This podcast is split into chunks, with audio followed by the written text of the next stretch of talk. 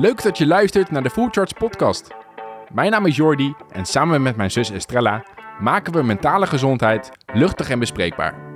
Welkom bij een nieuwe aflevering van de Charts podcast. Estrella, leuk dat je erbij bent vandaag. Echt ik vind enig. het ook echt leuk dat jij weer aan tafel ja, zit. echt goed dat je kon komen. Ja, hetzelfde. Ja, eh, we trappen af met het eh, onderwerp van deze podcast en dat is het thema balans. En dat komt vanuit, nou ja, denk ik onze afgelopen weken dat we best wel wat vragen krijgen van, oh, het ziet er allemaal echt uit alsof jullie constant presteren en constant dingen aan het doen zijn, ook als we aan het spreken zijn door Nederland. Dan krijgen we ook die vragen van, hoe blijven jullie zelf in balans? En ik denk dat het leuk is om in deze aflevering gewoon even lekker onderuit gezakt te hebben over hoe zit het nou met die balans bij onszelf? Ja. Is dat ook een beetje dan eh, werk-privé-balans of, of zien wij dat anders? Kortom, onze kijk, onze visie op balans en hoe we dat vooral op onszelf toepassen. En wat eventuele uitdagingen misschien nog zijn. Ja, dat dat eventuele maar eh, weg, want uitdagingen hebben we allemaal, Precies. ook wij. En dat is ook eigenlijk hoe ik deze podcast ook wil beginnen, is...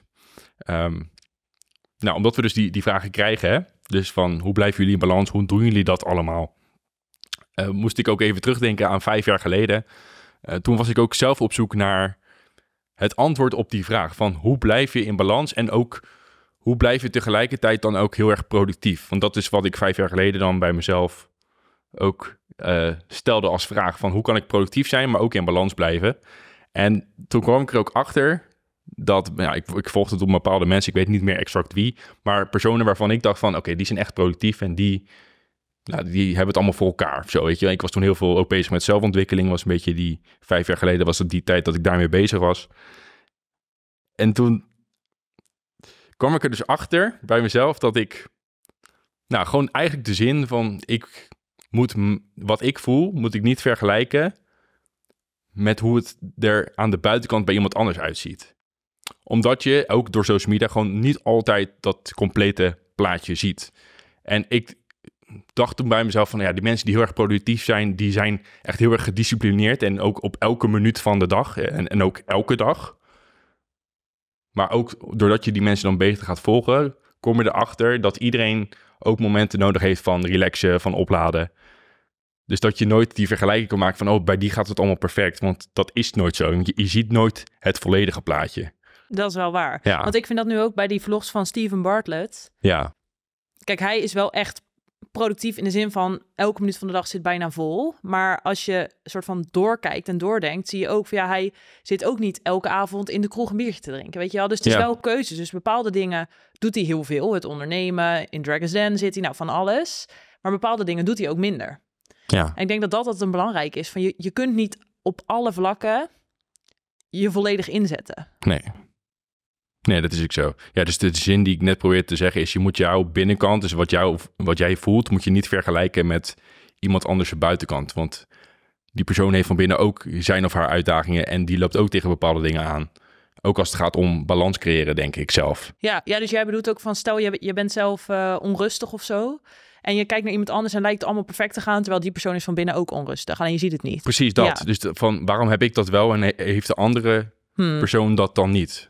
Van wat je ziet. Ja, Maar dat is omdat je kijkt naar de buitenkant, maar je weet nooit precies wat er bij die persoon ook van binnen speelt. ja, En dat is bij onszelf ook, want er wordt vaak tegen ons gezegd van hoe doen jullie dat allemaal? Hè? Want het lijkt alsof jullie of- alsof alles goed gaat, maar dat is ook niet zo. Nee. Want ook wij hebben van binnen die stemmetjes die af en toe zeggen van, nou je, je hebt echt geen energie vandaag, hè? Dus eh, klopt. dat, dat heb, ja, ik heb dat in ieder geval wel. Ik denk dat je, ja, dat moet jij ook hebben, toch? Zeker. Ja, ik heb, ik heb ook wel eens die stemmetjes. En ik merk wel dat gedurende de afgelopen jaren dat minder is geworden.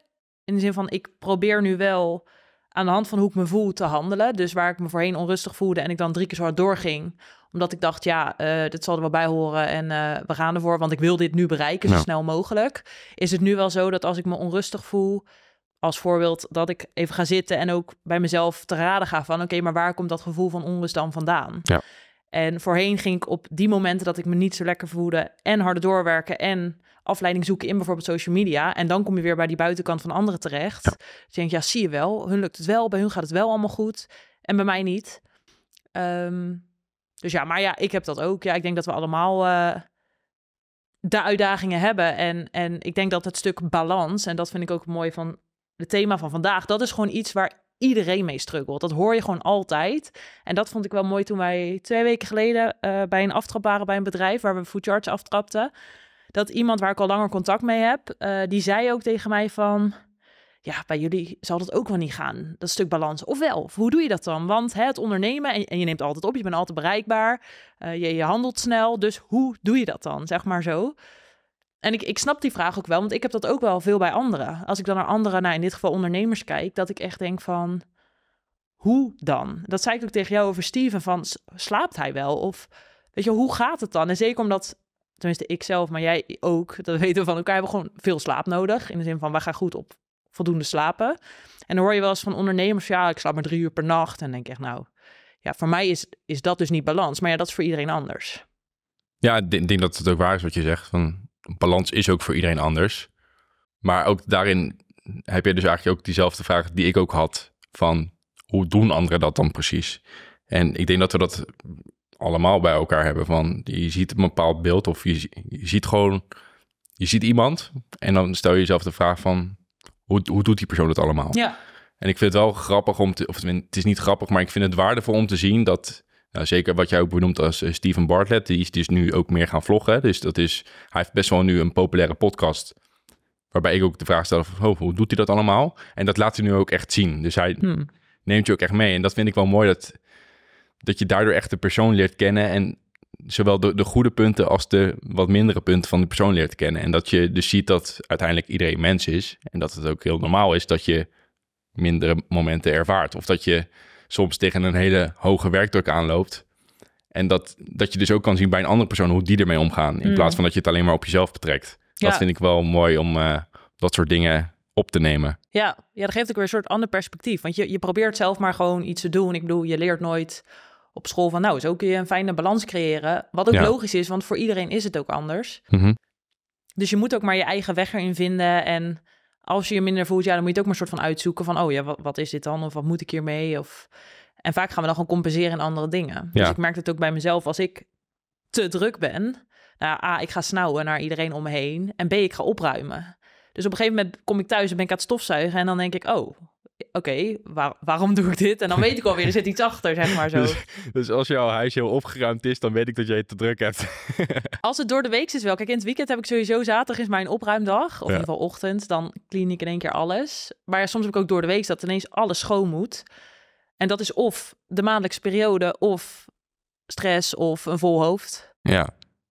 Ik, ik ben wel even benieuwd naar de volgende, het antwoord op de volgende vraag. Kijk, normaal gesproken met podcastafleveringen doen we het aantal weken van tevoren. Dan hebben we een bepaald onderwerp hè, waar we ons dan mee bezighouden of waar we met een spreker ons in verdiepen. Uh, dit keer kwam het best wel vrij kort dat we dachten van oké, we hebben een onderwerp nodig voor deze podcast. Waar gaan we het over hebben? Nou, dan dachten we dus aan balans. Uh, en dat betekende ook dat ik gisteren eigenlijk bezig was met het onderwerp voor deze podcast. En daarover na ging denken. En dus ging reflecteren, terugging in de tijd van... Wat is mijn gedachte over balans? Maar ik wil die vraag eigenlijk eerst aan jou stellen. Mhm. Eh, niet zozeer wat is balans, maar vooral de vraag: is er voor jou een verschil tussen werk-privé-balans en het woord balans? Laat me even nadenken. Is er een verschil tussen werk-privé-balans en balans? Nou, hoe ik dat zie. Ik weet niet of ik de juiste ben om dat aan te vragen, omdat dat heb ik ook altijd in gesprekken als ik bijvoorbeeld mezelf ga voorstellen. Dan stel ik en mezelf voor en full charge. En dan zeg ik ook altijd, ik ben full charge. dus als ik het heb over balans in mijn leven, dan heb ik het automatisch wel ook over de balans tussen het ondernemen en tijd voor mezelf en tijd met vrienden en familie. Als een totaalbalans. Maar ik, kijk, ik gebruik zelf nooit de term werk-privé balans, omdat ik dus meer als een geheel zie. Ja. Dus voor mij ja, zit er een verschil in. Ik, ik gebruik alleen het woord balans. Werk-privé-balans bestaat voor mij niet. Ja. Ja, de reden waarom ik dat vraag is omdat we best wel veel, ook in de laatste tijd, dan als een soort van advies proberen te geven aan bedrijven van stimuleer een juiste werk-privé-balans voor mm. medewerkers. Ja. Maar toen ik er gisteren over na aan denken was, kwam ik tot de realisatie dat het voor mij geen werk-privé-balans is, maar dat ik het alleen maar zie als balans. Ja, En toen ging ik daarover nadenken en over nou, doordenken van, maar wat is dan balans? Is dat dan hoe ik mijn tijd verdeel? Nou, dat was niet het, gelijk het antwoord. En toen kwam ik er dus achter, en dat is dus interessant dat jij dat ook zegt, van het is balans over alles wat je doet. En niet zozeer, ik, ik stop zoveel uur in het werk en ik heb dan zoveel uur in privé en zoveel uur in eh, vrije tijd, weet ik veel wat allemaal. Dus ik zie het meer als, ik investeer niet die balans in tijd, waar ik ergens iets mee bezig ben, maar meer stel ik mezelf de vraag, manage ik mijn energie goed? En dat is voor mij die balans. ja.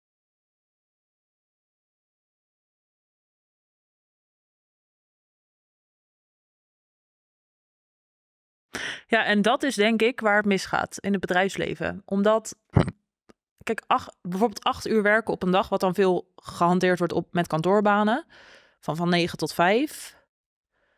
Ja, ik, ik, ik heb dat eigenlijk nooit echt begrepen, omdat ik, daarom vind ik het ook heel moeilijk om voor iemand te werken. Ik heb een keer stage gelopen en daar was dat wel het principe. En ik voel Welk, de 9 tot 5 bedoel je dan? ja, ja, het 9 tot 5 principe, dat was toen bij Fit Girl Code. Ja. En ik had het daar heel erg naar mijn zin in wat ik deed, maar ik had wel ook momenten dat ik daar zat en dacht, het, er komt gewoon nu niks uit mij. En ik, ik zit hier, maar ik ben moe en of ik heb zin om te sporten of... ehm, dus ik sluit me er wel bij aan. Ik zie balans niet als mijn uren zijn in balans verdeeld. Nee.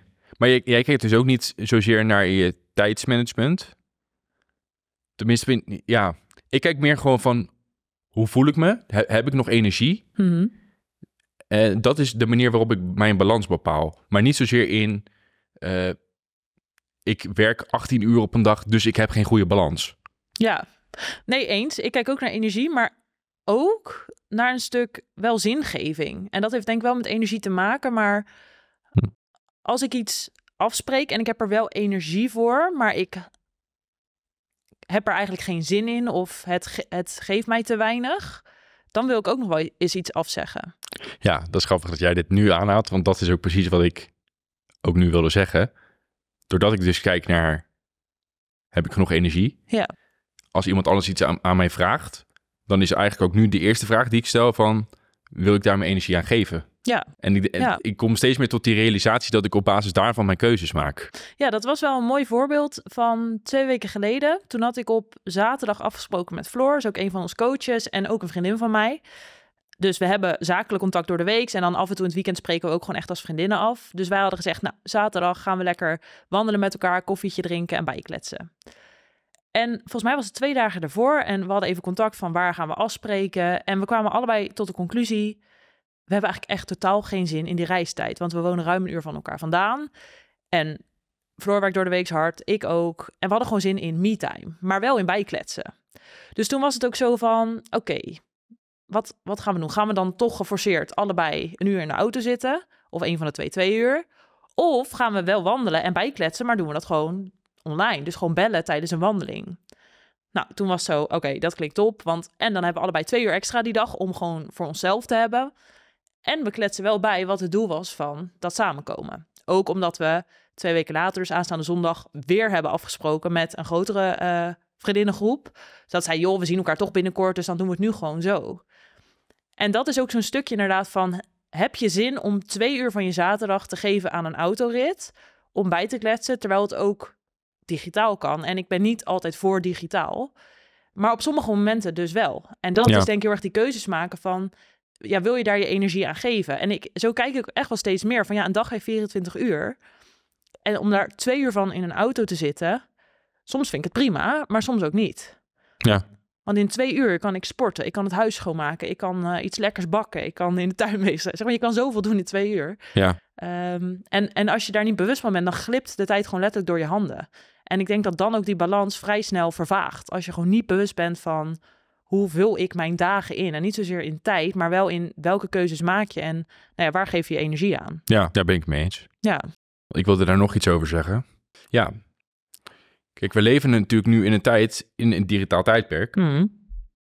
Waardoor ik ook denk, en natuurlijk hangt het wel een beetje af van de functies die je hebt, maar ik denk ook niet dat je kan zeggen van er is een bepaalde werk-privé-balans voor mensen.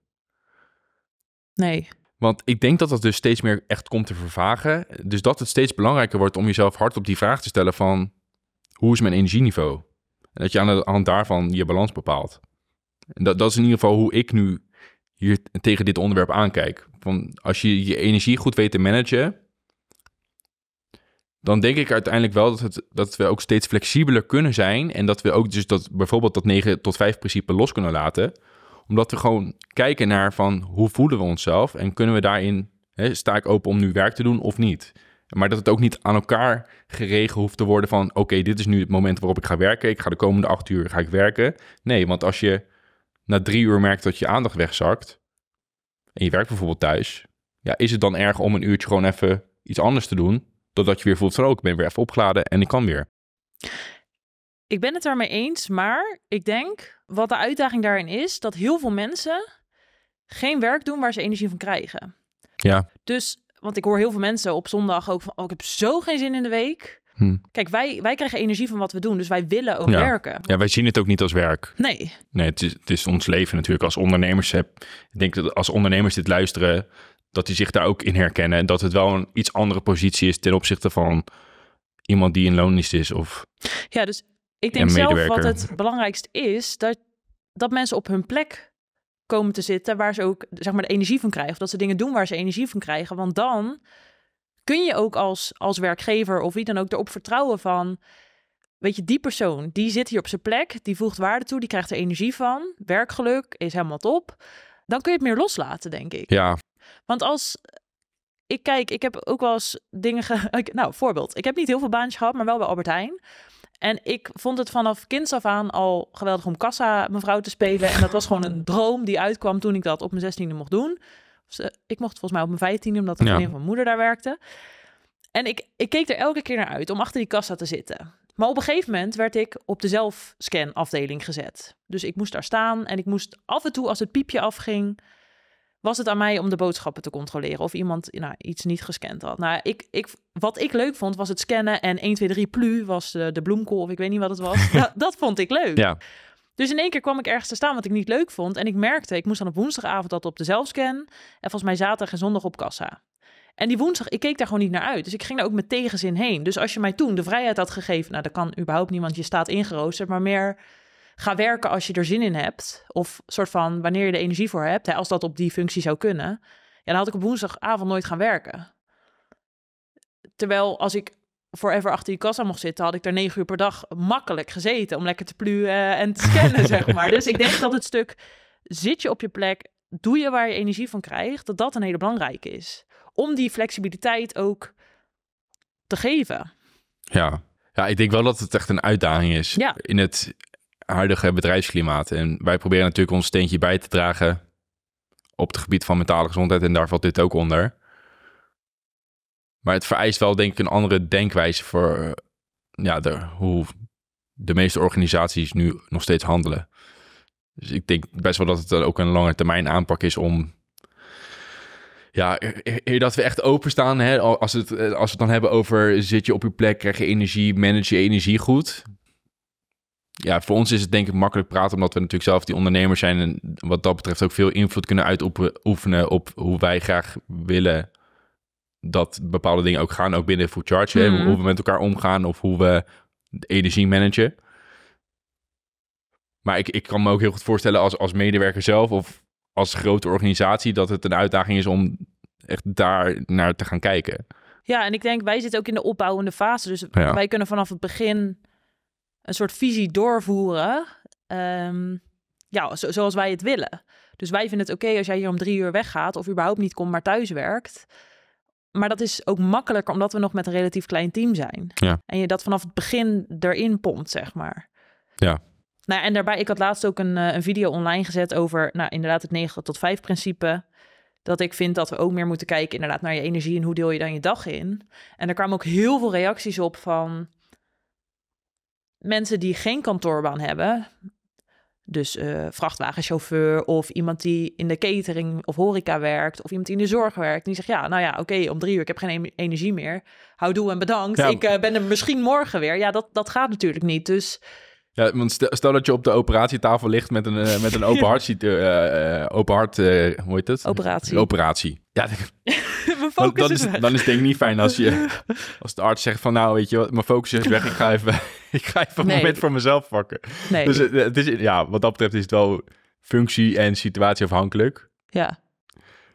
Maar ik denk wel dat we onszelf meer die vraag kunnen stellen van hoe, hoe managen we nou onze, onze energie en waar kunnen we wel onze energie misschien beter managen in plaats van we zitten in een bepaald patroon en daar houden we ons aan vast. ja, dat vind ik ook. Want het feit dat het niet overal kan, betekent niet dat op de plekken waar het wel kan, dat we het ook niet doen. Precies, dat vind dat. ik ook onzin. Ja, Want dit werkt gewoon niet op kantoor. Je kan, je kan niet acht uur gefocust werken. nee, want er is natuurlijk bewezen dat eh, de echte high performance, die kunnen ook, ook al ben je een, eh, de beste wetenschapper, je kan op een dag maar vier tot zes uur echt gefocust werken. Dat, is, dat zijn allemaal onderzoeken die zijn gedaan. Daar zijn wij het niet altijd mee eens. Jawel, ja, jawel. Ik ben het er wel mee eens. Oh, jij bent er wel ja, mee eens. want als je echt kijkt naar gefocust, eh soort van deep work, hè, dus echt Ja, heel ja. gefocust werken. Ja. Je neemt jezelf in de maling als je zegt van, nou, ik kan het acht uur. Want dat, dat kan niet. Dat, dat is echt waar. Ik werk sinds eh, twee maanden werk ik weer met tomato timers. Hè, dus Ja. het principe van, ik werk 25 minuten ge- heel gefocust aan één ding. En dan heb ik daarna vijf minuten rust. Dat, die tomato timers, om aan één ding heel gefocust te werken, dat kan je niet een hele dag volhouden. En, en dat hoeft ook niet, want ik denk dat je prima acht uur op een dag kan werken. Of ook veel langer. Maar niet echt heel gefocust. Want je hebt ook, en dat hoeft ook helemaal niet, want je hebt die momenten nodig om met collega's het over bepaalde dingen te hebben, om even wat meer rustiger aan te doen. Maar je kan nooit van jezelf verwachten dat je acht uur op een dag de hele tijd zo gefocust zit en werkt aan een bepaald Ja. ding. Kijk, wij weten wel dat wij een goede aandachtspannen hebben om heel lang te kunnen werken. Mhm. Maar dat betekent niet dat onze aandacht af en toe wegvalt. Ja. Of dat we het af en toe wel even met elkaar over iets hebben. Weet je, maar het is niet altijd echt alleen maar strikt gefocust werk. En, dat, en het is ook gewoon bewezen dat dat vier tot zes uur is op een dag. Is ook Zelfs zo. de allerbeste mensen die dat die Ja. zeggen van nou, die hebben nou echt een brein, die kunnen heel gefocust werken. Diep focus work is tussen de vier en zes uur. Is beperkt. Is beperkt. Nou ja, en wat natuurlijk ook zo is, want soms dan werk je wel eens misschien langer achter elkaar, maar op een gegeven moment zit je een uur op een taak. Ja, leuk dat je gefocust op die taak bezig bent, maar als je niet het juiste doet, want dat heb je ook al eens, dan verdwaal je soort van in een in iets waar je mee bezig bent. En dan ga je maar door wat je wil het af hebben, terwijl als je even vijf minuten tussendoor wandelt, dan is je focus daarna misschien wel beter of, of komt er meer creativiteit. Dus daar ben ik het wel mee eens. Ja. Ja, nee, dat klopt wel. En ik had sowieso had ik nog een aantal andere aantekeningen gemaakt voor deze aflevering. Ja, ik heb sowieso ook nog een vraag hoor. Ja, nou ja, stel maar. Want wij waren dus laatst bij een bedrijf in Groningen voor de aftrap. En toen vroeg iemand, hoe behouden jullie nou die balans? Dus ik ga jou die vraag gewoon stellen. Wat doe jij om een voor jou werkende balans te creëren in jouw dagen, weken, maanden? Ja. En het is denk ik een heel simpel antwoord. Want ik heb daar gisteren dus over nagedacht. Ja. Van hoe creëer ik dat? Ik heb één ding waar ik niet met mezelf in kan onderhandelen. Oeh. Dat is slaap. Ik moet van mezelf acht uur slapen. Tenminste, daar, daar streef ik naar. Dat is eigenlijk gewoon iets van, dat, dat moet elke dag gebeuren afhankelijk. Ja, soms kom je niet in slaap, dat heb ik ook. Hè? Maar dat is wel waar ik me op richt. Van dat moet echt prioriteit nummer één zijn op een dag. Voor balans. Mhm. Verder is het die vraag die ik mezelf stel van hoe zit het met mijn energie? En ik heb dus geen vast antwoord in ik werk zoveel uur op een dag. Want de ene dag kan ik 12 uur werken, de andere dag kan ik 6 uur werken. Eh, soms dan rijden we heel het land door omdat we dan vier keer op een dag moeten spreken. Ja, is dat balans? Nee, dat is ook geen balans. Maar ik zie balans ook niet over een dagperiode. Ik zie het meer over een wat langere periode. Ehm, dus ik zei, het is een simpel antwoord. Misschien ook weer niet. Maar het is vooral die vraag die ik mezelf stel van hoe zit het met mijn energie? Want ik weet ook bijvoorbeeld na een hele week hard werken, hè, van maandag tot en met vrijdag, weet ik dat ik op de vrijdag heb ik vaak een energieniveau van een 7 in plaats van een 9 Mhm. op, aan het einde van de dag. Dan zeggen we ook wel eens, het is, het is gefrituurd. Dat vind ik nog Er- hoog. Er zit niet veel... Ja, vind je dat hoog? Een zeven. Wat, wat is jouw cijfer dan op de vrijdag gemiddeld? Nou, voordat ik dat cijfer kan bedenken, lig ik al te tukken op de bank. Nee, maar ja, als, je, als, denk- je, als je hier vanuit kantoor, als je naar huis rijdt, ja, wat, wat zou je dan voor gemiddeld cijfer... Want dat vind ik wel interessant. ja. Nou, Wat- het, verschilt, het verschilt natuurlijk wel per week en wat we, wat we hebben gedaan. Maar op vrijdag... Nou, een zesje denk ik Een gemiddeld. zesje. Als, als ik weet dat er vrijdagavond mensen over de vloer komen om te eten of whatever wat, of iets met vrienden, Ja. Dan moet ik me er wel echt toe zetten. Dus ik plan dat ook bewust zo min mogelijk in. oké. Ja, maar dat heb ik dus ook. Want Ja. ik weet... eh, nou, eh, dat is meer het concept van eh, sprinten en herstellen. Dat heb ik ook tegen mezelf gezegd. Ja, ik kan door de week kan ik prima sprinten. Hè? Dus van maandag tot en met vrijdag kan ik echt gewoon achter elkaar doorgaan. Wel met voldoende slaap, dus dat is het ene ding. ja, dat is belangrijk. met die acht uur slaap. Dan, dan kan, ik in, kan ik gewoon die vijf dagen kan ik zo vol maken als dat ik wil. Maar ik weet van mezelf, en daar hadden we het van de week hadden we daar ook met eh, Paul Smit hadden we het daarover toen we daar eh, op bezoek waren. eh, over die dopamine eh, cirkel eigenlijk. Dus Hmm. van je, hebt, je hebt dopamine pieken, Ja. maar waar je pieken hebt, heb je ook dalen. En, en toen zei Paul ook van, ja, ik weet dat als ik door de week heel erg hard presteer of veel dingen doe, weet ik dat ik op de zaterdag helemaal niks moet doen. En dat heb ik, heb ik ook. Ik moet op de, op de vrijdag of zaterdag, moet ik niet echt afspraken hebben tot in de avond, want dan, ik ben niks waard. En dat weet ik van mezelf. Hmm. Omdat ik gewoon zoveel heb gegeven door de week met het werken. En dus dat is ook een manier hoe ik daarin balans creëer. Van ik weet dat ik sowieso één dag in het weekend moet ik helemaal niks hebben staan. En dat heb jij dus eigenlijk ook. De vrijdagavond. En eigenlijk Ja. ook sowieso zaterdagochtend tot en met de lunch is ook altijd voor mezelf. Dus dan ga ik eerst sporten, lekker ontbijten, opruimen. En dan voelt het alweer alsof ik de vermoeidheid die ik gedurende de week heb opgebouwd, of dat weer gewoon weer hersteld is. Ja. Dus vrijdagavond en zaterdagochtend blokkeer ik vaak voor mezelf of met Josse dan om gewoon te chillen en soms liggen om negen uur in bed, ja, soms om elf uur en soms om acht uur op de bank en dan vallen we in slaap. En ik denk niet per se dat het goed is, maar ik heb het ervoor over, want ik vind het gewoon heerlijk om gedurende de week wel te knallen. Ja, oké. maar en, en dan heb ik een andere vraag voor jou. Ja. Stel je krijgt op dinsdag, krijg je de vraag, maakt niet uit van wie, maar om op vrijdagavond wat te gaan doen. Ja. Wat gaat er dan door je hoofd? Nou, ik heb dit eh, vaak genoeg. Ik, ik geef echt aan van ja, ik ben vrijdag niks waard. Als jij het aan mijn directe vrienden vriendinnengroep vraagt, die weten dat ik op vrijdagavond niks waard ben. Oké, Dus dan zeg ik, joh, hoe zit je de rest van het weekend? Eh, dan kijk ik naar een andere optie. Oké, maar je, je zegt uiteindelijk dan wel vaak ja.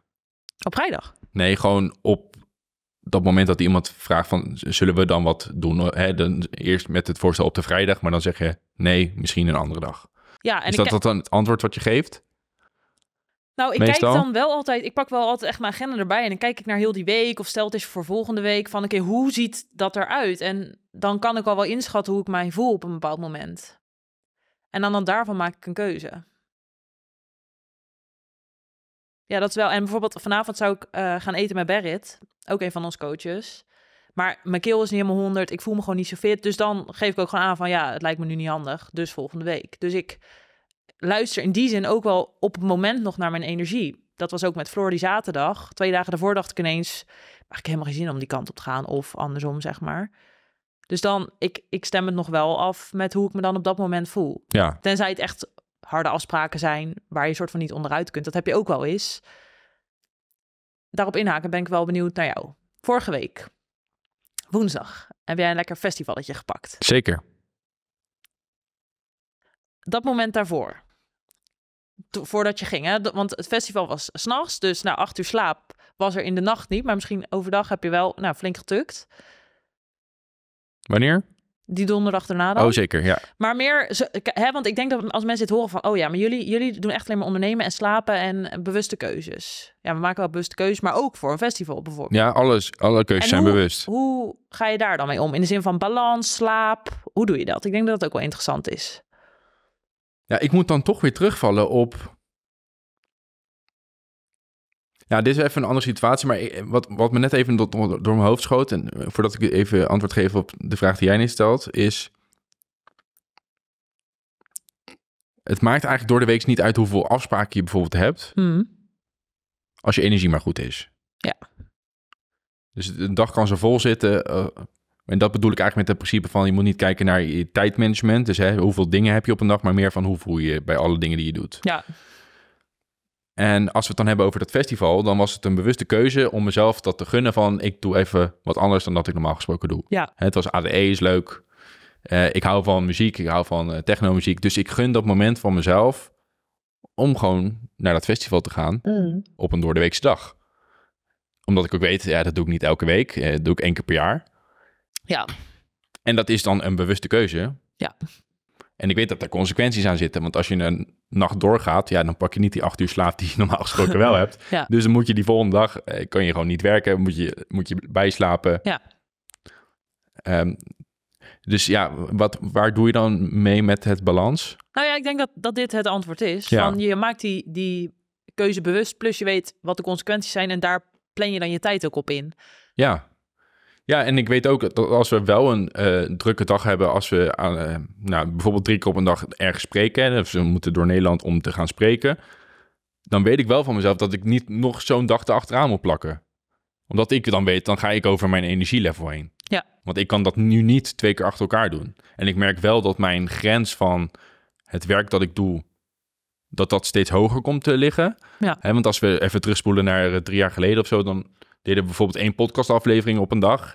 En dat, toen waren we er helemaal van eh ondersteboven. Het kostte dat zoveel energie en dan deden we de rest van de dag niks meer. Ja. Maar nu zitten we op een niveau dat we er drie op een dag kunnen doen. En dat het ook geen probleem is, of, Ja. of vier. Maar het is wel constant met die gedachte van hoe, ja, hoe zit mijn energie? Ja. En aan de hand daarvan maak ik dan keuzes.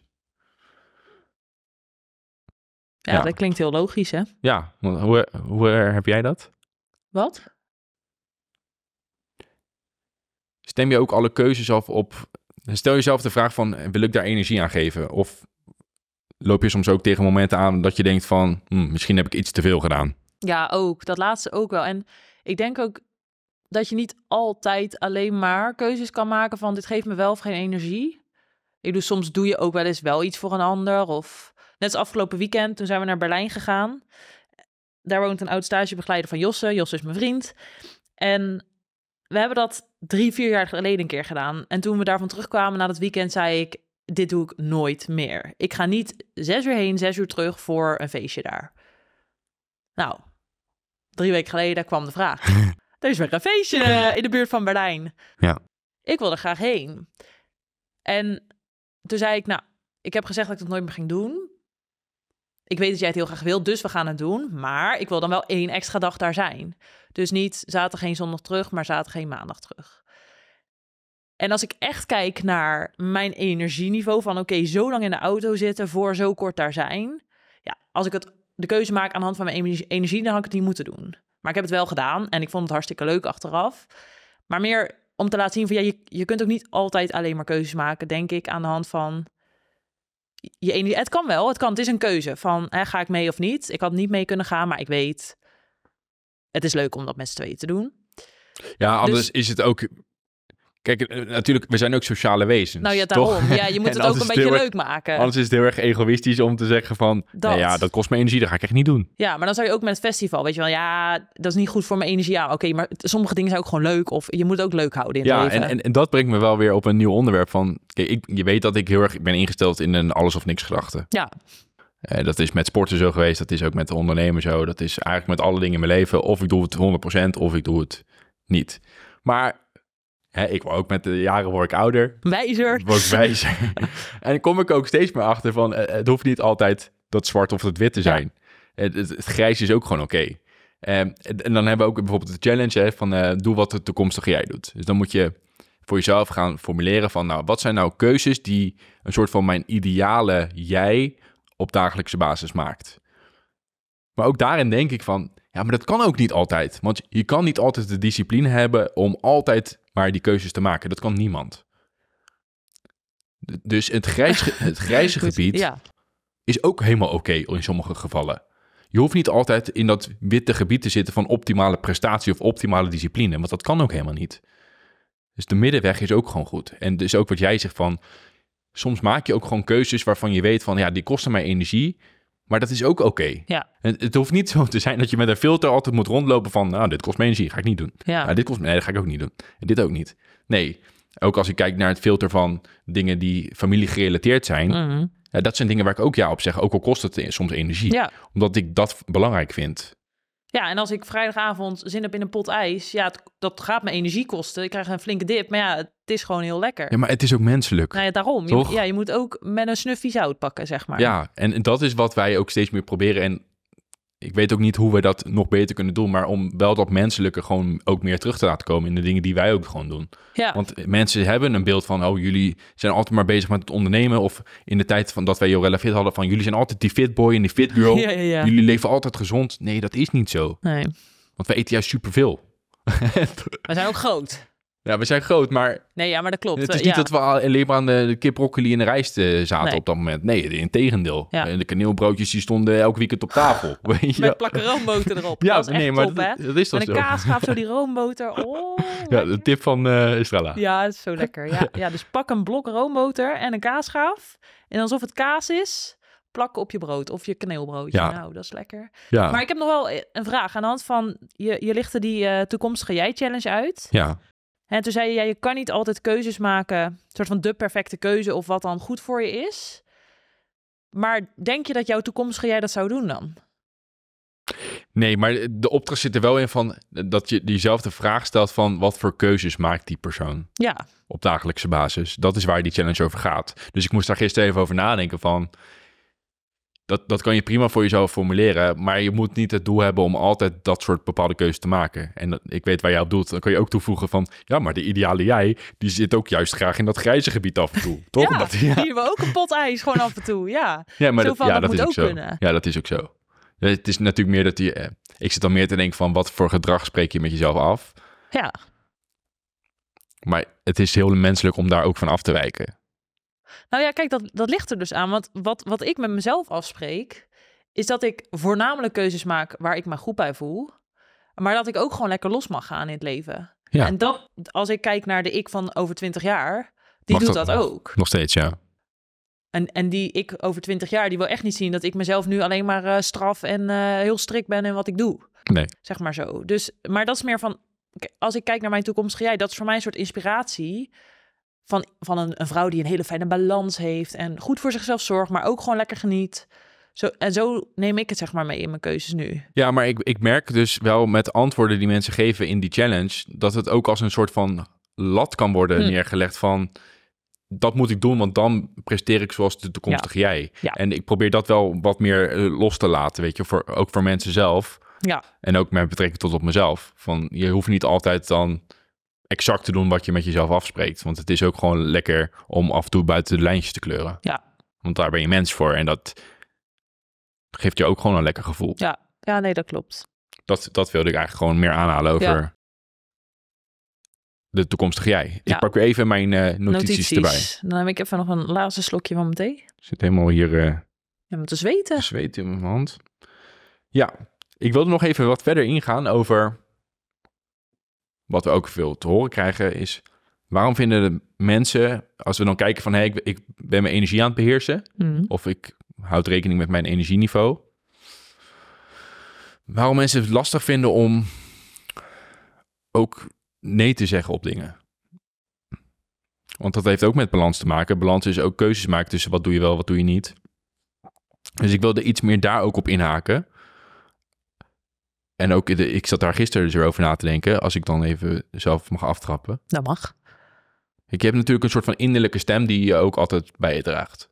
Dat is, als iemand wat aan je vraagt, dan ga je wel denken van, hm, wat, wat kan ik hierop zeggen? Of wat wil ik hierop zeggen? Mhm. Eerst denk het aan, wil ik hier mijn energie aan geven bijvoorbeeld? Maar dan heb je ook altijd nog die achterliggende gedachte van, wat gaan mensen van me vinden als ik hier nee op zeg? Of vinden mensen mij een leuk persoon? En dat zijn denk ik wel dingen ja, die een uitdaging vormen voor mensen om ook vaker nee te kunnen zeggen. Plus ik denk ook, en dat, kwam ik ook nog tot, eh, tot die gedachte kwam ik ook, dat als iemand wat aan jou vraagt om bijvoorbeeld, stel je krijgt dus die vraag op dinsdag, hè, waar we net over hadden, om iets in het weekend te gaan doen. Dan weet je niet wat in het weekend jouw ener- energieniveau gaat zijn. Dus wat ik heb vanuit nature is dat ik dan zeg van, oh ja, vind ik leuk. Maar ik weet nog niet hoe ik me dan voel. Ik heb dan wel vaak, als ik dan zoiets zeg, eh, of in het kader van het festival. Het wordt dan eh, drie maanden terug wordt dat dan bepaald en wordt gevraagd van ga je mee? Nou ja, ja, leuk. Maar ik vind een festival leuk. Maar ik kan nooit bepalen hoe ik me op dat moment voel. Dus dat maakt het ook wel weer een uitdaging, vind ik, met dat soort dingen. Ja, nee, dat klopt. nee en dat was ook wel wat ik... Tenminste, als je het dan hebt over... Je kan soort van niet... Ja, je weet niet hoe je dan voelt. Maar dat probeer ik dus wel als het me gevraagd wordt. Kijk, drie maanden van tevoren weet ik überhaupt niet hoe die week eruit ziet. Nee. Maar ehm, bijvoorbeeld dit weekend was ik natuurlijk weg. Ik kwam maandag terug uit Berlijn. Als iemand mij had gevraagd vorige week... joh, kan je maandagavond iets doen? Ja, dan zou ik geen ja zeggen. Want ik weet al, ik heb dan zeven uur in de auto gezeten. Dus laat mij die avond maar even gewoon rustig thuis rommelen, zeg maar. Dus zo probeer ik het wel in te schatten. Ja. Maar dat is ook wat ik vroeger eigenlijk totaal niet deed. In de zin van moeite met nee zeggen. Ik zei ook overal ja tegen. Nou, en ik, ik denk zelf, als ik kijk naar toen ik een jaar of 16 was, toen zei ik ook altijd ja, terwijl ik bijvoorbeeld ergens gewoon echt geen zin in had. Maar dat kwam puur uit en niet weten wat ik nou belangrijk vond. Mezelf gewoon niet kennen. En heel erg inderdaad die, die angst om buiten de boot te vallen. Ja, ze erbij willen horen. Ja, Die, eh, te stellen. En ik denk dat het met de tijd makkelijker wordt als je en beter inzicht krijgt of meer inzicht krijgt in, nou, waar hecht jij nu echt waarde aan? Kijk, ik hecht bijvoorbeeld veel wa- waarde ook aan tijd met Josse samen. Dus ik ga niet mijn hele weekend stampers vol plannen dat ik hem niet zie. Want door de week zijn we ook gewoon allebei druk aan het ondernemen. Alleen als ik voorheen, ja, weet ik veel wat ik belangrijk vind. Zeg maar, ja, als je dat niet weet, dan is het heel moeilijk om dat soort keuzes te maken. En ik denk ook dat leer je gewoon gaandeweg. En waarschijnlijk over twintig jaar kijk ik naar de ik van nu en denk ook van, nou, er waren ook nog rare keuzes. Of hè, toen werkte het goed, maar nu zou ik dat niet meer doen. Nee, maar ik denk ook wel dat dat juist zit in dat je een soort van evalueert of reflecteert of bepaalt wat voor jou nu belangrijke Ja. dingen zijn. Maar dat het prima over een jaar of twee jaar of over tien jaar, dat het weer compleet anders is. Ja. Dus dat dat altijd ook meebeweegt van jouw levensfase of waar je op dat moment in je leven staat. Met dingen die je belangrijk vindt en waar je dan eerder ja op zegt of eerder nee op zegt. Ja, je prioriteiten, die veranderen. Ja. Alleen ik denk dus dat het belangrijk is dat je wel inzicht hebt in die prioriteiten. En bijvoorbeeld toen ik 16 was, had ik dat niet. Nee. Ja, Wat- dan is je brein ook niet ontwikkeld nee, natuurlijk. je bent om- gewoon nog aan het vormen en je, je probeert ook maar overal bij te horen. En eh, dat is gewoon hoe het gaat. Ja. Maar dat is denk ik wel een van de grootste redenen waarom nee zeggen zo moeilijk is. En niet weten wat je zelf belangrijk vindt. En de angst om anderen teleur te stellen of ergens niet meer bij te horen. Of van wat vinden mensen dan van me? Dat is ook hè, als je zegt ik ga stoppen met alcohol drinken. Ja, als je dan op vrijdagavond afspreekt en dat is de eerste keer, dan denk je al van nou, hoe ga ik dit nou weer doen? Ja. Wat zullen ze wel niet van me denken? Ze gaan me sowieso forceren om toch dat wijntje te drinken. Ja, zo, zo Ja. gaat het gewoon.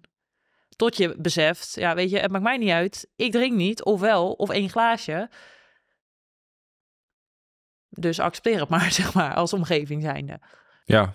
Ja, maar dat heeft ook wel weer te maken met hoe sterk je dan in je schoenen staat Ja. natuurlijk. En dat gaat dan ook met de tijd. En dat kan niet op, nou, ik, in- dat kan misschien wel voor mensen. Maar op 16-jarige leeftijd is dat een grotere uitdaging dan dat je ouder bent. Ja, Omdat je jezelf- jezelf steeds beter leert kennen als het goed is. ja, ja, precies. Ja, Ja.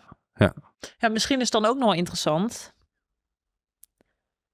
om verder in te gaan op dat nee zeggen. Want ik vind zelf dat ik daar nu wel goed in ben. Ik denk dat jij er ook goed in bent. Van wat, wat we daarin dan anders hebben gedaan of hoe dat is ontstaan. En ik, ik heb nu zelf niet zo 1, 2, 3 het antwoord. Misschien jij wel.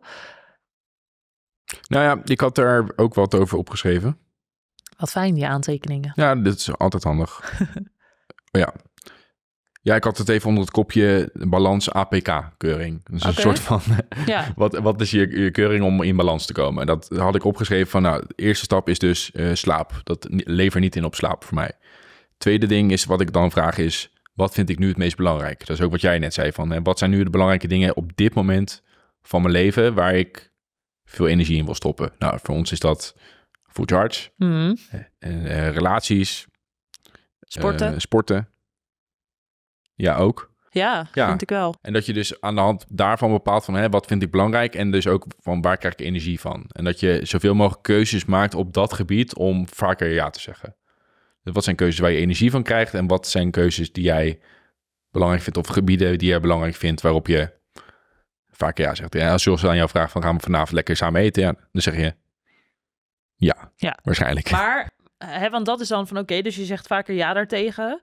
Maar als je dus heel veel moeite hebt met nee zeggen, want een ja tegen jezelf betekent ook een nee tegen een ander. Ja, Hoe train je jezelf er dan in om dat eigenlijk makkelijker te maken? Ik denk dat dat een goede vraag is voor degenen die moeite hebben om nee te zeggen. Van hoe hebben wij dat nou stap voor stap aangepakt? Of ja, stap voor stap meer. Wat heeft ons erin geholpen? En we benoemen natuurlijk al, hè, inzicht krijgen in wat vind je belangrijk. Sterk in je schoenen staan. Nou, ik denk dat dat het antwoord is. Ja, ik denk het eigenlijk ook. Ik denk ook niet dat je verder hoeft te zoeken dan dat.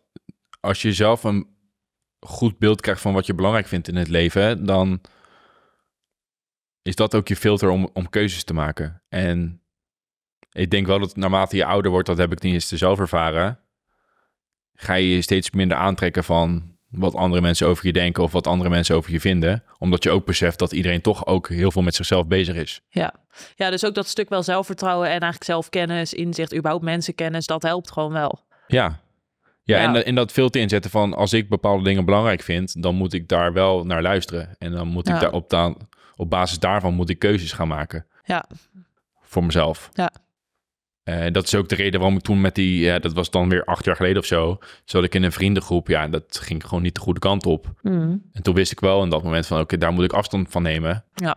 Omdat ik weet dat het, ja, dat was niet be- meer belangrijk voor me om daarmee op te trekken. ja, zo wilde jij niet soort van je tijd invullen. Of Ja. tenminste je energie aan. eh, Ja. ja.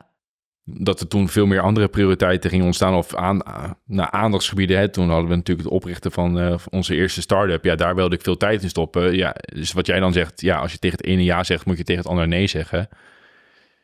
Dat, en dat kan voor mensen een grote stap zijn. Maar als je zelf echt weet dat dat keuzes zijn die jij belangrijk vindt, denk ik wel dat je die keuzes moet maken. Ja, ja, en soms duren die keuzes ook wel even. Tenminste, dat heb ik zelf ook wel toen eh, ik in Den Bosch dan ging studeren. Toen zat ik nog op synchroon zwemmen in Gouda, drie keer in de week. En ik vond dat gewoon wel echt heel leuk. Maar op een gegeven moment ging het niet meer. Want ik kwam pas laat thuis uit school, weet je wel, uur reizen. En dan was ik alweer te laat voor de training. Dus dan, tenminste, soms stel ik dat soort keuzes nog wel eens uit. Hè? Van die knopen doorhakken. Gewoon omdat je denkt, ja, wel niet. Hè? Terwijl van binnen weet je al wat de beste keuze is.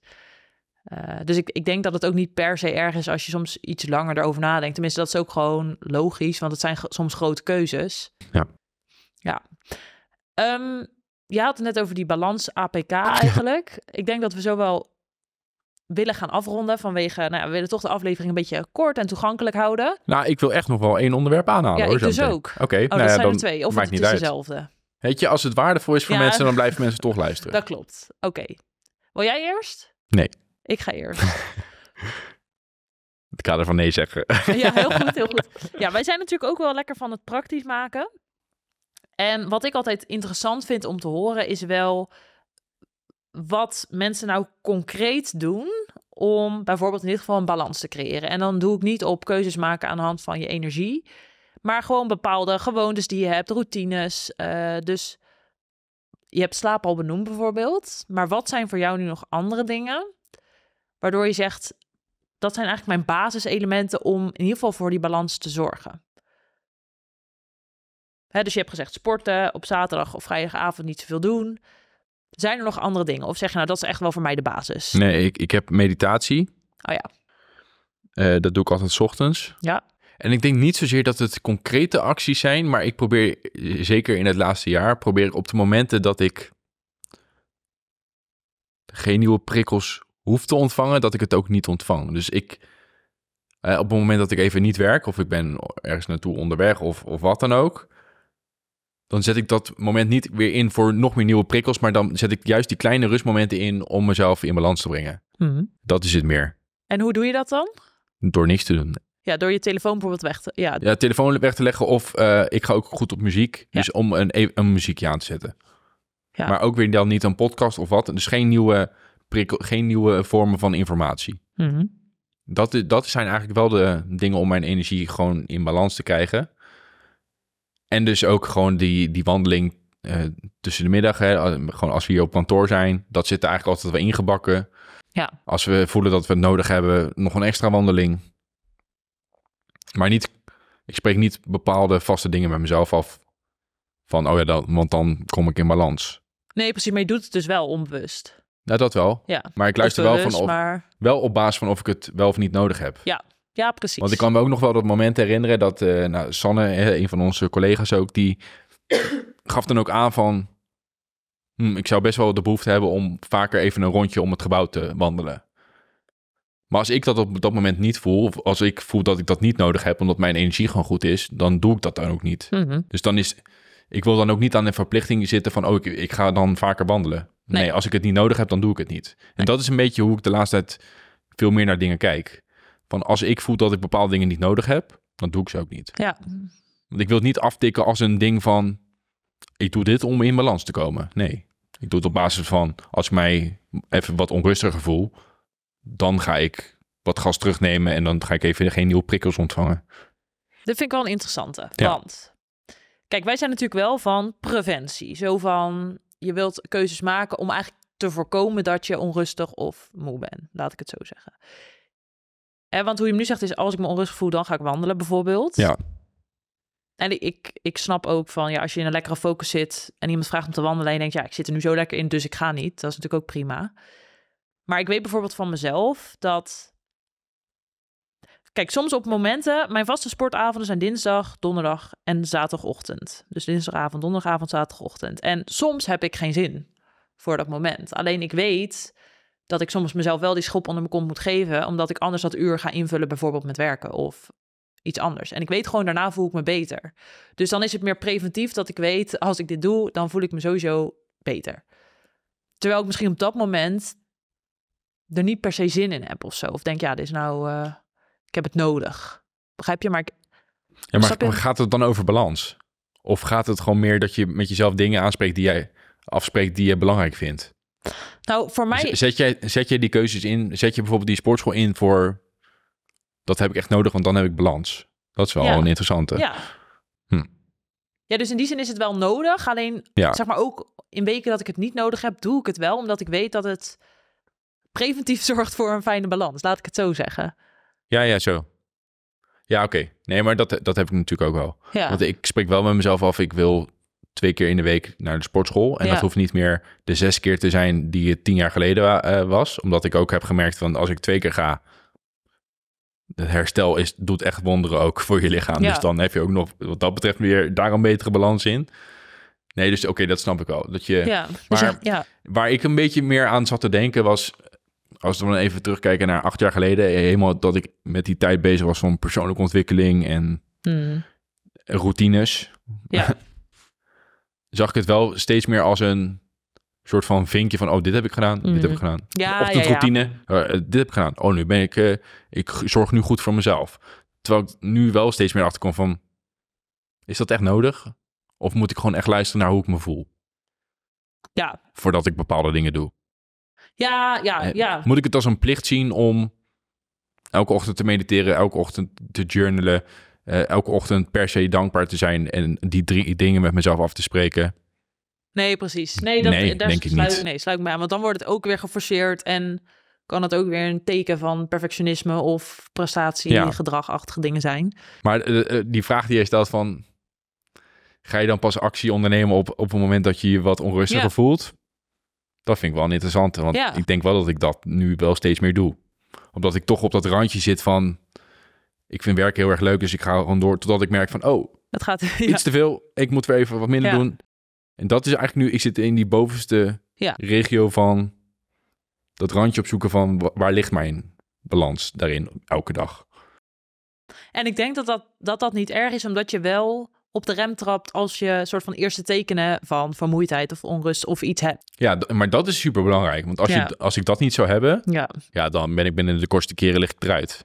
Nou, precies, want dat is ook wat ik zeg dat ik soms op vrijdagavond in slaap val. Kijk, je kan zeggen van ja, dat is, dat is geen goed teken. Ja, Maar ik, ik weet, ik, ik werk gewoon door de week hard. Ik vind dat fijn. Ik heb ook mijn, mijn pauze- en rustmomenten. Maar ik, ik vind het niet erg om mijn vrijdagavond soort van op te offeren. Om dan gewoon lekker te herstellen. En ik, ik, het is ook echt niet dat ik slaapwandelend mijn auto uitloop op vrijdagmiddag als ik thuis kom. nee. Dat is ook overdreven, zeg maar. Maar ik denk dat het prima is als je er zelf oké mee bent. En wel die ruimte maakt om te herstellen van, nou ja, dingen die je batterij ook leeg doen laten lopen. Ja, 100 procent. Ja. Ja, maar ja. Dat, kijk, sommige momenten weet je dat, dat dat gebeurt. Dus op de vrijdag weet je dat de kans groter is dat je vermoeider bent, omdat je echt eh, heel veel hebt gedaan, ook Ja. in, in, die, in die week zelf. Ja. Maar ik denk dat we, nou zeker als ik gewoon naar mezelf kijk, mo- mo- moet ik meer loskomen van mezelf bepaalde verplichtingen opleggen door bepaalde acties te doen. Hm. Maar meer gewoon, heb ik op dat moment behoefte aan meer rust pakken, dan moet ik dat op dat moment doen. Ja. En, zolang dat, en gelukkig hebben wij die flexibiliteit dat we dat kunnen doen. Want we hebben ook nog eh, zelf ook geen kinderen bijvoorbeeld. Hmm. dat is ook weer een hele andere situatie. Ja. Als je dat op dit moment dan wel hebt. Want dan kan je eenmaal niet zo flexibel zijn van... Ja, of zelfs als dat je die arts weer bent. Ja, je, soms bepaalt je Ja. situatie dat je niet zo flexibel kan zijn. Maar wij kunnen dat gelukkig wel. Dus kunnen we sprinten, maar ook goed herstellen. En dat is denk ik wel mijn algemene mindset op dit moment. Gewoon hoe ik nu in het leven sta. Want ik weet dat ik door de week kan ik echt flink sprinten. Maar ik moet ook in het weekend moet ik dan echt eh, herstellen, rust nemen en het liefst helemaal niks doen. Ja. En dan maakt het ook niet uit dat ik een hele bank op de bank lig, want dat gebeurt ook echt bij mij. Dat ik de hele dag niks doe. Ja. Dat is voor mij dan het herstel.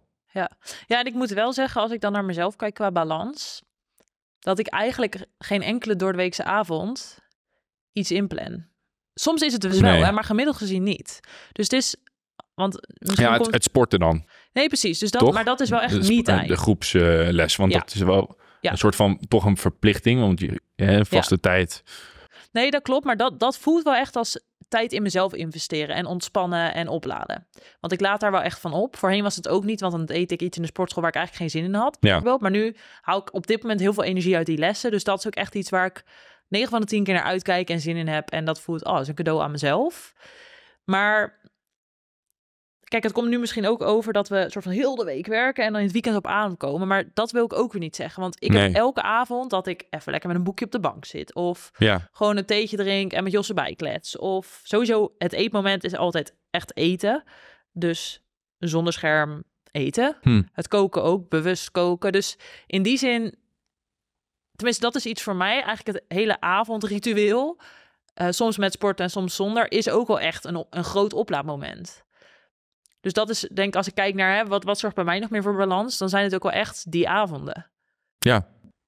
En soms voel ik mij door de week meer opgeladen dan in het weekend. In de zin van dan laat ik meer op, omdat er gewoon een fijn, ik heb een fijn ritme in mijn Er zit meer dagen. regelmaat ook Ja, in, ja. Dat, dat merk ik soms wel. In het weekend vind ik soms lastiger, omdat ik ook meer moet nadenken over de keuzes die ik dan maak. Terwijl ik weet in, door de week gewoon, oh, ik sta lekker op tijd op, zelfde ritme. Ehm, Ja. ja. dus dat vind ik ook wel fijn. Jij had nog iets anders ook, hè? Ja, ik zat meer nog te denken aan hoe we het dan hier op eh, kantoor ook doen. Ehm, in de rol als ondernemer of als manager denk ik dat het... Kijk, natuurlijk heb je ook als, al ben je een leidinggevende of een ondernemer, dan heb je nog steeds dezelfde verantwoordelijkheid als alle andere mensen. En dat is dat je eh, goed voor jezelf moet zorgen en voor je energieniveau. Ja. Maar ik denk als bijkomende rol is dat je ook, en dat doen wij ook natuurlijk als ondernemers met, met een kantoor, dat je ook nadenkt over wat voor omgeving creëer je voor anderen, zodat ze ook goed hun energie kunnen managen. Ja. Ehm, en daar wilde ik even wat dingen over uitlichten van hoe wij daarin steeds meer dingen doen om die juiste omgeving te kunnen creëren. Om andere mensen het gevoel te geven van je hoeft niet altijd op en top te presteren. Ja, Want het, wij vinden het belangrijk dat je eerst aan je eigen energie en je eigen gezondheid denkt. Want dan weten we dat je beter kunt presteren. ja. Wil jij daar ja dingen zeker. over delen van hoe wij... Misschien dingen die wij als vanzelfsprekend zien... maar niet zozeer vanzelfsprekend zijn voor de meeste organisaties. Ja, Met hoe we dingen aanpakken. Ja, ik denk dat het eerst goed is om te vertellen dat wij nu zeg maar een jaar en drie kwart jaar, dus nou, tegen de twee jaar aan, een kantoor hebben. Ja. En dat in het begin wij ook niet per se die balans zo goed hadden. Eh, in de zin van wij houden van lekker hard werken. En ik geloof heel erg dat als je bij ons komt, komt werken, dat, dat dat ook zichtbaar is.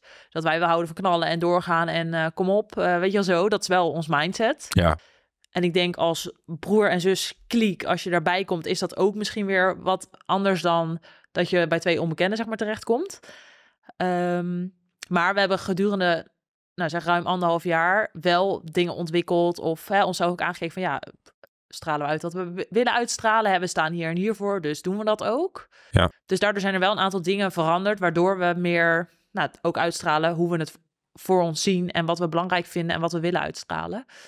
Ehm, dus nou, één voorbeeld, hè, dat noemde je al, is die, die lunchwandeling. Die zit er bij ons standaard in. Dus we gaan altijd eerst echt lekker uitgebreid lunchen, gewoon een half uur en dan nog een half uur wandelen.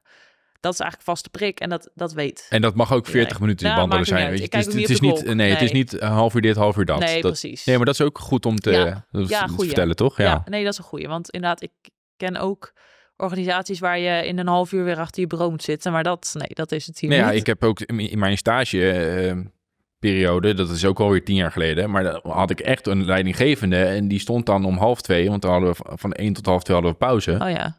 Was het echt zo, hè? Om half twee. Ja, voor degenen die kijken, Jordi kijkt nu, eh, of die niet kijken, Jordi kijkt op zijn arm, Ja. horloge. Ja, dan moeten ze maar kijken. Op YouTube kun je kijken. Ja, Maar en, en, dat waren ook de eerste signalen voor mij van ja, maar dat wil ik in ieder geval later als ik in zo'n Ja. positie kom, wil ik dat niet. Want, nee, dat klopt. Maar dat is dus even, oké, dus dat hè, de, de, Ja, de dus lunchwandeling, om even niet te veel af te wijken. Ehm, ja, kijk, verder is het ook wel zo. De, wij hebben hier geen tijden van je moet er zo laat zijn of je, je moet zo laat weg. Zelf ben ik er meestal op een vaste tijd, maar soms kom ik ook een uur later. Als ik, weet ik veel, daar zin in had of als er file is die ik ontwijk of wat dan ook. Eh, en dat gaat ook met het naar huis gaan.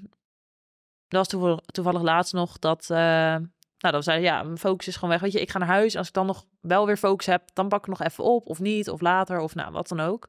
Dus heel erg die, die flexibiliteit wel in je eigen tijd indelen, als er geen meetingen gepland staan. Hè? Want bedoel, ja, als we om drie uur een afspraak hebben en jij zegt om drie uur, nou weet je, mijn focus is niet goed. Dat werkt niet. Nee, dat gaat gewoon niet. Je maakt ook afspraken met elkaar, dus Ja. daar, daar moet je wel aan houden. Ja.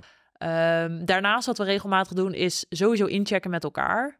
Dus eigenlijk altijd wel als we op kantoor komen, gewoon even van, joh, eh, lekker slapen of eh, hoe Ja. is het, hoe voel je je? Dus dat is ook wel echt iets wat we, nou, wat eigenlijk als vanzelf gaat. Sowieso die open cultuur vinden we heel belangrijk. Ja, en we zeggen het nu wel even tussen neus en lippen door, maar ik denk dat het echt heel waardevol is voor mensen om dit ook te horen. Dat, Ja. we, dat we dit op dagelijkse basis ook doen met elkaar. ja. Dat we er even een moment ook voor vrijmaken om dat te doen. Dat klopt, want dat is echt wel heel belangrijk. Ja. En, en soms zie je ook gewoon wel aan iemand van, oh, die eh, nou, heeft een onrustige nacht gehad, of die is moe, of weet je, wat is er? En soms is het ook van, joh, geen behoefte om te delen, of wel, en dan kunnen we er even op ingaan. Dus heel erg die, die, die open cultuur en, nou ja, ook, dat is ook denk ik een hele belangrijke, als het met jezelf even wat minder gaat, of, nou, nu, ik voel me niet 100% fit, Weet je, dat kan ook gewoon benoemd worden. En het is dan niet van, oh, ik doe wel alsof het goed gaat. En thuis eh, ben ik helemaal eh bewijzen van ehm, kapot, zeg maar zo. Dus, dus heel erg die open cultuur, inchecken bij elkaar. En sowieso hebben we eens in de, nou niet echt een vast moment, maar meestal sowieso eens per kwartaal. Wel echt een grotere meeting dat we echt even met elkaar zitten van hoe vinden we het gaan, het werken, het samenwerken, eh, waar liggen verbeteringen. En soms is een verbetering ook gewoon inderdaad wel, joh, ik voel eh, dat die pauze zo gehaast gaat, kunnen we dat niet iets meer zen maken of even een koffiemomentje af en toe. Dus als wij reflecteren, reflecteren we niet alleen op het werk en de doelstellingen, maar ook heel erg op hoe werken we samen, Eh, voelen we dat het een vertrouwde omgeving is om dingen te delen. Dus heel erg dat soort dingen ook bespreekbaar maken Ja, met elkaar. Om, om eigenlijk ook dat vertrouwen en die veiligheid te, te waarborgen. ja. Ja, gelukkig is dat wel vrij snel ontstaan Ja, met eh, de, de kantoorlocatie die we hebben. ja, Ik kan me wel voorstellen dat het echt een uitdaging is voor bedrijven om het, nadat je bijvoorbeeld al tien jaar bezig bent op een bepaalde manier, om dan nieuwe dingen toe te gaan voegen. Wat wij dus wel aanbevelen, ook met Food Charge, wat Ja. we doen. Eh, Maar ik denk dat wij wat dat betreft dan wel in een soort van goede positie zitten, dat we gelijk al dingen eigenlijk doorvoeren eh, maar- vanaf het ja. eerste moment. Maar dat we ook nog. eh, ik haalde net natuurlijk aan hè, dat een van onze collega's dan aangaf van. Nou, ik vind het ook wel lekker om gewoon een extra rondje te wandelen om het gebouw. Eerst zei ik van. Ik heb er geen behoefte aan, dus ik doe het niet. Maar ik heb ook wel momenten gehad waarop ik het toch wel heb gedaan. Om wel Ja. uit te stralen, ook als leidinggevende of gewoon als oprichter. Dat het belangrijk is om die extra wandelingen te doen. Want het, als je het zelf dan niet doet, Ja. dan zorgt het toch ook weer voor een soort van andere verwachtingen bij, bij medewerkers. Ja, Hè? Omdat, want, eh, dat zeggen we natuurlijk ook van uitstralen wat je zelf belangrijk vindt. Dus ik denk dat je daar ook prima als leidinggevende dan, in ons geval, gaan we daar ook in mee. Ja, ja, maar dat is ook belangrijk inderdaad. Je moet het wel zelf ook naleven, want Ja. je kan zeggen van ja, maar ik vind het echt prima als je een uur pauze neemt. Maar als je zelf nooit pauze neemt, hoe kan dat dan als prima voelen? Ja. Weet je wel van ja, maar ja, dat, dat en, en ook dan hè, kan je het gewoon weer uitspreken, want dat is wel ook wat Ja. hier gebeurt. Van stel wij nemen een keer geen, ja, we nemen wel altijd lunchpauze, maar we wandelen een keer minder. Dan hebben we dat ook gewoon besproken van joh, eh, als ik dat wel doe, is dat oké. Ja, eh, prima, weet Ja. je. Eh, ieder zijn eigen energiebalans, zeg maar. Ja, dat, ja, dat nee, is dat gewoon is ook zo. En, en iedereen werkt gelukkig ook anders. Ja, Ehm, En dus kan je daar prima andere keuzes op maken als, als persoon zijn. In ieder geval in onze organisatie. Ja, nou ja, en jij zei van het is heel lastig om hier als organisatie verandering in te maken. En ik ben het er mee eens dat dat, als je heel de organisatie in één keer mee wil krijgen, dat is heel lastig.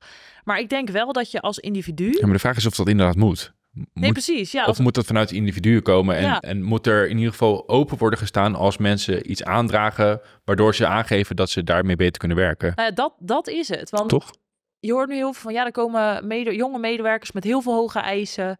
Hè, ze willen langer pauze of dit of eh, wat eerder naar huis. Ja, kijk, ik denk dan als dat de medewerker helpt om beter te presteren of om meer rust te ervaren, waardoor uiteindelijk de prestaties verbeteren. En het kan in de agenda, het kan met de functie. Ja, wie ben jij dan om te zeggen, ja, maar die, dat half uur betaal ik je ook nog, dus eh, ga maar naar je scherm staren, want eh, je moet hier wel zijn. Ja, dat, dat gaat, dat, ik zie dat niet als een werkend iets in deze tijd, laat ik het zo zeggen. En ik denk juist als je, als iemand komt met, joh, weet je, ik vind het echt fijn als ik rond de lunch even een half uurtje kan wandelen, want ik weet dat dat mij helpt. Ja, ik zou echt, ik ga, zou gaan klappen van, bravo, je, je- dat je dit inzicht hebt en het aangeeft. En Ja. weet je, moedig het aan, want medewerkers die zichzelf goed kennen en bewuste keuzes maken, ja, die moet je wat mij betreft echt, eh, Het begint met luisteren daarnaar. nou ja, dat is en, en, het. en dat is voor ons wel makkelijk praten, omdat we dus, eh, daar doelde ik net op, van, omdat we dit vanaf het begin af aan, omdat we dat zelf heel erg belangrijk vinden. Dat we Mhm. luisteren naar wat vinden de mensen met wie we samenwerken. En, en wat dragen zij aan of hoe staan ze in bepaalde dingen. Maar ik weet ook gewoon, en omdat we bij zoveel organisaties komen en ook hele grote verschillen daarin zien, Ja. Dat het voor heel veel organisaties echt een uitdaging al is om in ieder geval die eerste stap te zetten om te luisteren naar wat medewerkers aangeven. En vaak nog een stap daarvoor dat medewerkers niet eens iets Ja, durven aan te geven. dat en, en daarom denk ik dat er echt bij organisaties een grote uitdaging daarin zit. Als je ja. eenmaal zo'n cult- cultuur hebt waarin iedereen dingen voor zichzelf houdt. ja, dat klopt. En, en, en dat is ook wat wij gewoon echt nog nou, in 80% van de gevallen meemaken Ja. bij organisaties. Ja, en wat ik daar wel het, het mooie aan vind, is dat ongeacht jouw positie, je kan hier iets in doorbreken. Ja. En dat voelt misschien spannend, maar ik heb wel ontdekt, op het moment dat jij een visie op iets hebt, of weet dat iets voor jou werkt, of ergens voor durft te gaan staan en je spreekt dat uit. Misschien krijg je in het begin ook reacties van, oh, heb je die troela weer, die, eh, die moet pauze hebben. Dat is prima. Weet je, dat soort reacties moet je natuurlijk kunnen, kunnen dragen. En, ja, die troela komt ze weer hoor, ja. Maar het is wel zo, als je iets uitstraalt wat, wat werkt voor jou en die keuze maak je bewust, dan zal je merken dat mensen op een gegeven moment het zien als inspiratie van, oh, weet je, en als je gewoon alsnog je werk kunt doen, ja, wat is, wat is dan het probleem? Ja. Maar Ja. goed, het is, het is inderdaad makkelijker praten, want het zit gewoon heel erg in het systeem. Maar wat ik hier wel mee wil geven is of je nu manager bent, werkgever, medewerker, spreek jezelf uit. En dat is alweer heel makkelijk gezegd. Ja, maar probeer dan wel. iemand in de organisatie te zoeken of een collega waar je heel nauw mee samenwerkt om het wel te bespreken. En dan niet alleen maar zeuren, want dat heeft geen zin. Maar focus op het positieve. Dus joh, misschien kunnen we dit eens met elkaar proberen. Hè? In plaats van, ja, we mogen weer geen pauze. Nee, kijk naar wat, wat kan er wel. Of wat, wat kun je openbreken of zo. Ja. Want die negativiteit hebben we allemaal niks aan.